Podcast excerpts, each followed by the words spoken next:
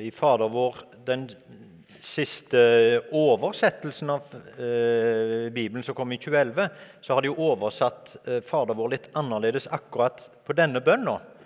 Fra 'led oss ikke inn i fristelse' til 'la oss ikke komme i fristelse'. Eh, og det syns jeg var en god eh, endring. For led oss ikke inn i fristelse kunne jo eh, liksom høres ut som om det var Gud som sørga for at vi ble frista. Eh, men Jakob sier, eh, i Jakobs brev så står det ganske tydelig at eh, salig er det mennesket som holder ut i fristelser. For når han har stått sin prøve, skal han få livets seierkrans, som Gud har lovet dem som elsker ham. Ingen som blir fristet, må si det er Gud som frister meg. For Gud fristes ikke av det onde, og selv frister han ingen. Alle blir fristet av sitt eget begjær, som lokker og drar. Når lysten er blitt svanger, føder den synd, og når synden er moden, føder, føder den død.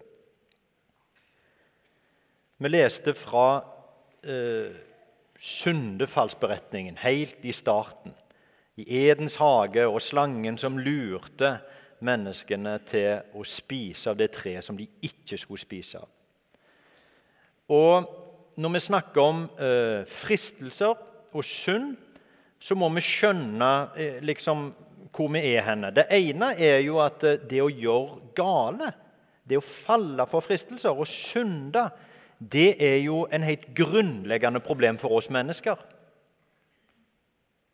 Et problem som var på en måte årsaken til at Gud sendte sin sønn Jesus som død på korset for oss, og åpna en vei til en frelse, sjøl om vi hadde falt.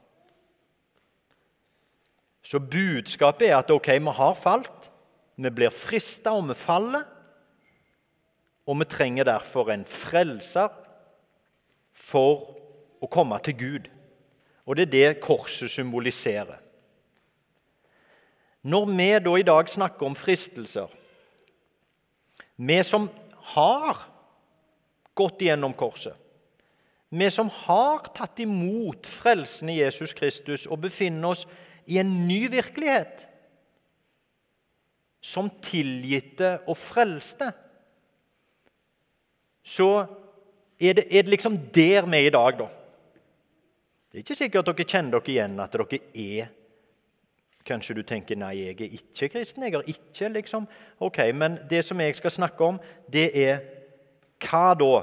Når vi har når vi er frelst, når vi er satt i en ny virkelighet, skal vi fortsatt snakke om fristelser og synd. Og det skal vi, men en, av en annen grunn.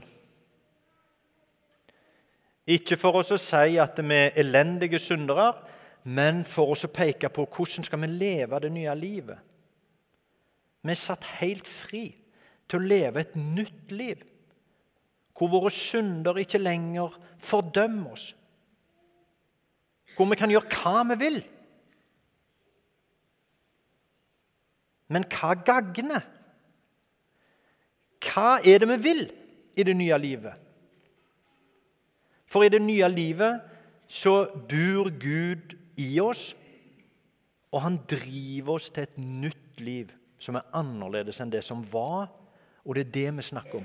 Hvordan er det nye livet? Hva er den driven den drivkraften som Gud har gitt oss, hva retning går den i? Jo, den går i retning av å avsløre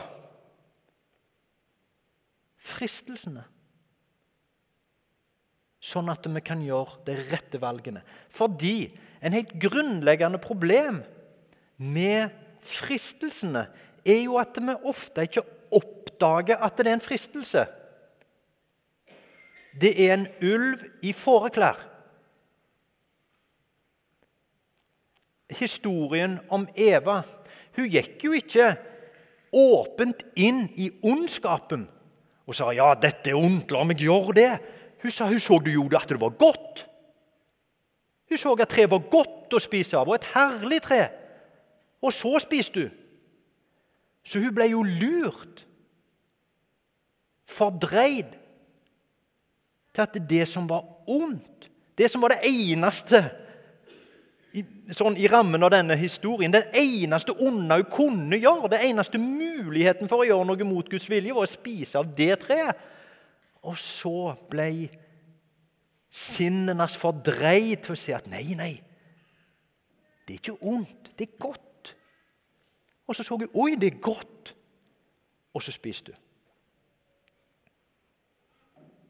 Det er en helt grunnleggende problemstilling med fristelser. Vi oppfatter ikke at det er fristelser, vi tror det er godt.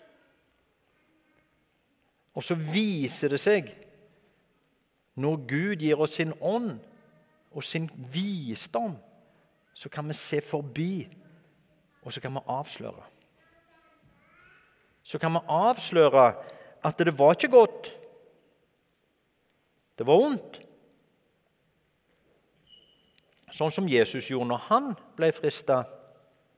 For det er, jo veldig, det, er det er jo ikke to tilfeldige tekster om fristelser. Det er jo den første fristelsen hvor mennesket falt, og så er det den andre store fristelsen hvor Jesus ikke falt. Det er jo liksom kontrasten. Det er jo den første Adam og den andre. sant vel? Hvor Jesus viser hvordan det går an å stå imot fristelser. Hvordan det går an å avsløre Satan og si at nei, du er ikke ute etter mitt beste. Du er ikke ute etter å gjøre meg godt. Du er ute etter å lure meg. Du er ute etter å få meg til å tro at det du sier, er godt. Og så avslørte Jesus det. Og det er vanskelig for oss å avsløre. Hva som er godt, og hva som er ondt. Det som er helt åpenbart ondt, at jeg ikke skal gå hen og så ta livet av et annet menneske, det er jo ikke, det er jo ikke knallvanskelig å motstå den fristelsen. For det er jo så åpenbart. Men at jeg ikke skulle slenge litt drit Det er en større fristelse som det ikke så åpenbart at det skulle få så store konsekvenser.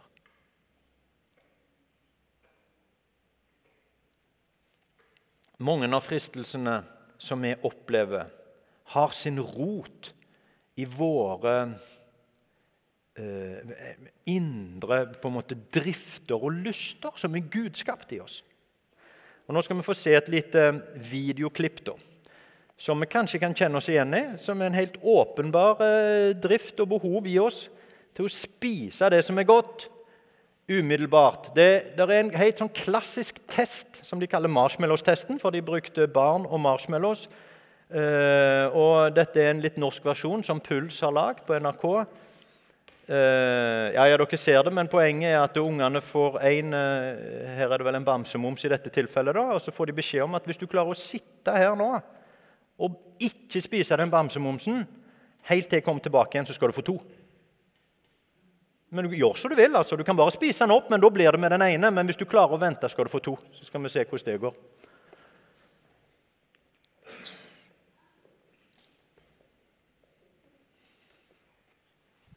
Viljestyrke det handler om evnen til å holde ut. Eh, og Psykologer har interessert seg for dette, eh, denne viljestyrkemuskelen i, i, mange år. og det er ett eksperiment som har blitt en klassiker. Vi har vår, gjort vår lille miniversjon, og nå skal dere få se hvor mye det egentlig koster å stå imot. Jeg har en sånn her som jeg tenkte du skulle få. Men du, vet du hva? Hvis du lar den ligge der til jeg kommer tilbake så får du en til. Men det bestemmer du helt selv.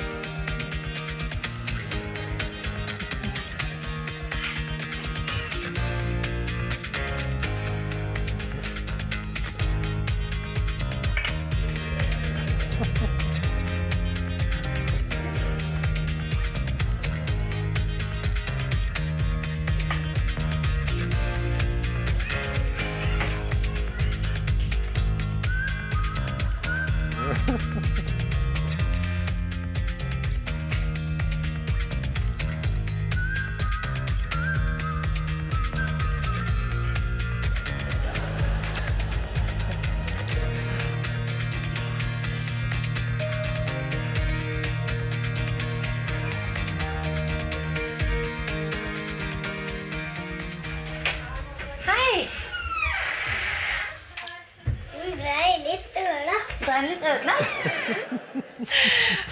De bildene der er helt ubetalelige. Det er jo ikke så lett. Eh, vi har hatt om fristelser tidligere en gang, og da hadde vi en eh, sånn spørreundersøkelse på, eh, på Facebook før talen, hvor mange av dere svarte på hva, hva som var den største fristelsen. Og det var jo mat som vant. da. Det som opplevdes som den, den tydeligste fristelsen i hverdagen, på en måte, det var, det var mat. Eh, og det er jo interessant, fordi eh, mat, det å ville ha mat det er, jo, det er jo en gudgitt eh, på en måte indre drive i oss. En sånn livsoppholdelsesdrive til at vi må jo ta til oss næring. Og Noen mener at det til og med dette med, med sukker og uh, kjappe kalorier og sånn, at det, vi har ekstra lyst på det. Eh, fordi det er viktig hvis vi Eller jeg vet ikke, jeg, jeg kan ingenting om dette. Men i alle fall så er mat, behovet for mat, det er jo en gudgitt drift, om du vil. Og så er det Når blir dette en fristelse til noe som ikke var bra? For det er jo det som er hele syndefallet, er jo at det som var tenkt godt, blir fordreid. Seksualdriften er jo gudgitt, selvsagt. Det er jo, det er jo en forutsetning for, for livet.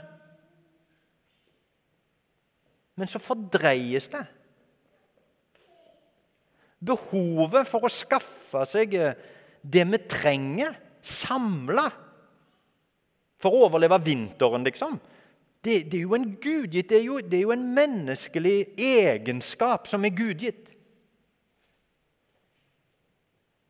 Men liksom Hvor mange hytter på fjellet eller leiligheter i Syden trenger vi for å overleve vinteren? sant vel? Det blir, Hva tid blir det på en måte øh, tid bikker det over da? i noe annet? Det er jo ikke så lett å se. Det er ikke sånn at vi skal leve på en påle og, og, og spise havregryn. Det er ikke sånn at det er liksom det, det helt liksom det enkleste du kan tenke deg som er det rette. Gud har jo skapt oss for å leve. Han har jo skapt et mangfold. Han har skapt oss med, med like flere enn én smak. sant vel? Det er flere enn én farge. Så det er jo ikke det at, det at det er det minimalistiske som nødvendigvis er det eneste rette. Vi skal nyte. Men når blir nytelsen egoisme, havesyke, urettferdighet i verden? Når blir min nytelse på bekostning av noen andres? Når blir min samlemani til ødeleggelse for miljøet i verden? sant vel?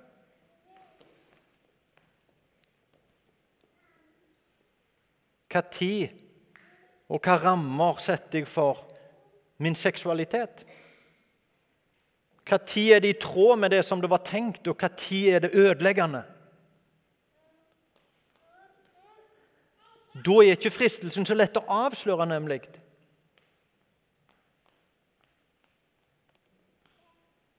Hadde det nå ennå vært sånn at det, det, var kun de åpenbart onde tingene vi ble frista av Men det er jo så mange som tilsynelatende ser ut som gode ting,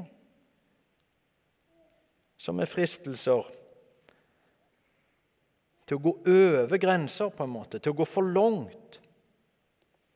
Til at det som var tenkt godt, blir til en forbannelse istedenfor en velsignelse. Både for meg og ikke minst for andre. Og jeg tenker det Jeg beklager eh, hvis jeg høres ut som Men jeg er kanskje det. En sånn uh, Hva skal jeg si En litt sånn gammeldags uh, uh, mørk prest, da. Jeg er kanskje det.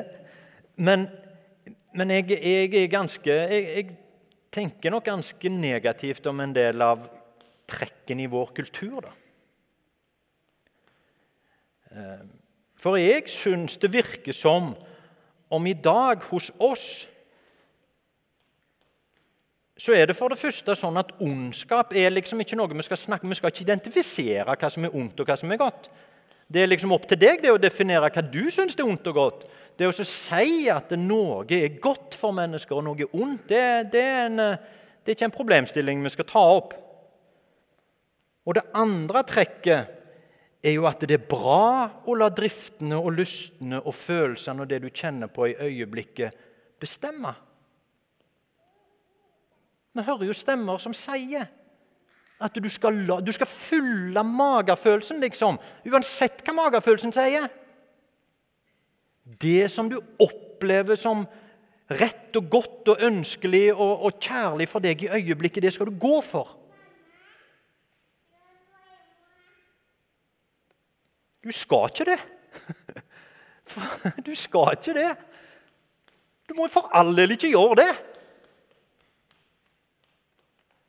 For det følelsene våre og driftene i oss som er fordreide, leder oss til, det må vi først avsløre. Hva, hva fører dette til? Hva er dette for noe? Er det sånn som Eva, at det er ondt som har påtatt seg fåreklær, og som tilsynelatende er godt? Eller er det godt? Det må vi jo avsløre.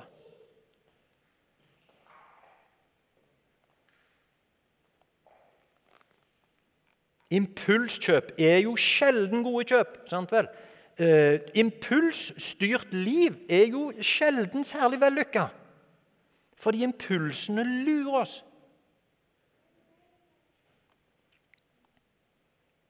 Vi må tenke lenger fram. Vi må se hvor det ender.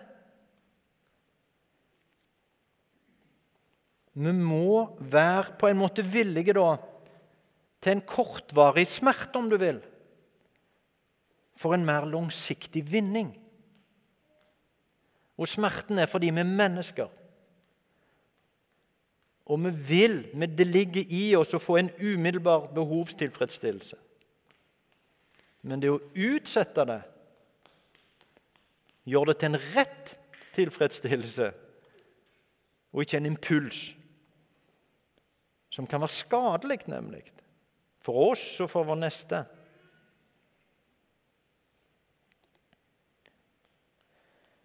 Jesus ble òg frista.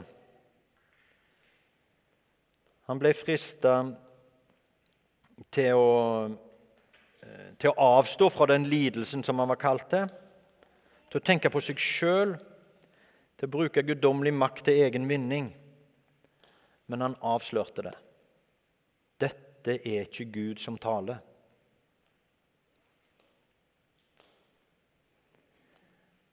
Når vi ber, la oss ikke komme i fristelse, men frels oss fra det onde, så er det jeg håper å si, typisk bibelsk. De sier det samme to ganger. La oss ikke komme i fristelse, men frels oss fra det onde. Fristelsen er det onde, med andre ord. Sant? Vel, frels oss fra det onde. La oss ikke komme i den fristelsen. Og hvorfor skulle vi ikke det? Nei, fordi vi er ikke så sterke, nemlig. Vi risikerer å falle. sant vel? Vi risikerer å bli lurt. Så er det sånn at når vi ikke faller, og når vi avslører fristelsen og står imot, sånn som Jesus gjorde, så styrker det oss. Så det, er, det, er positiv, det kan få en positiv følge å komme i fristelser som du står imot, for du blir sterkere neste gang. Men vi ber altså om å slippe for vi kan jo falle.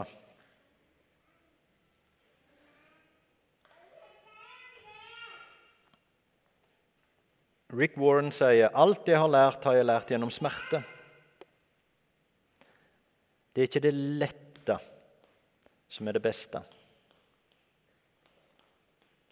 Det er ikke det som umiddelbart ser godt og lett og friskt og fint ut, som er det som er godt og rett og friskt og fint for oss i et lengre perspektiv når vi avslører hva som ligger bak. Så la oss fortsette å be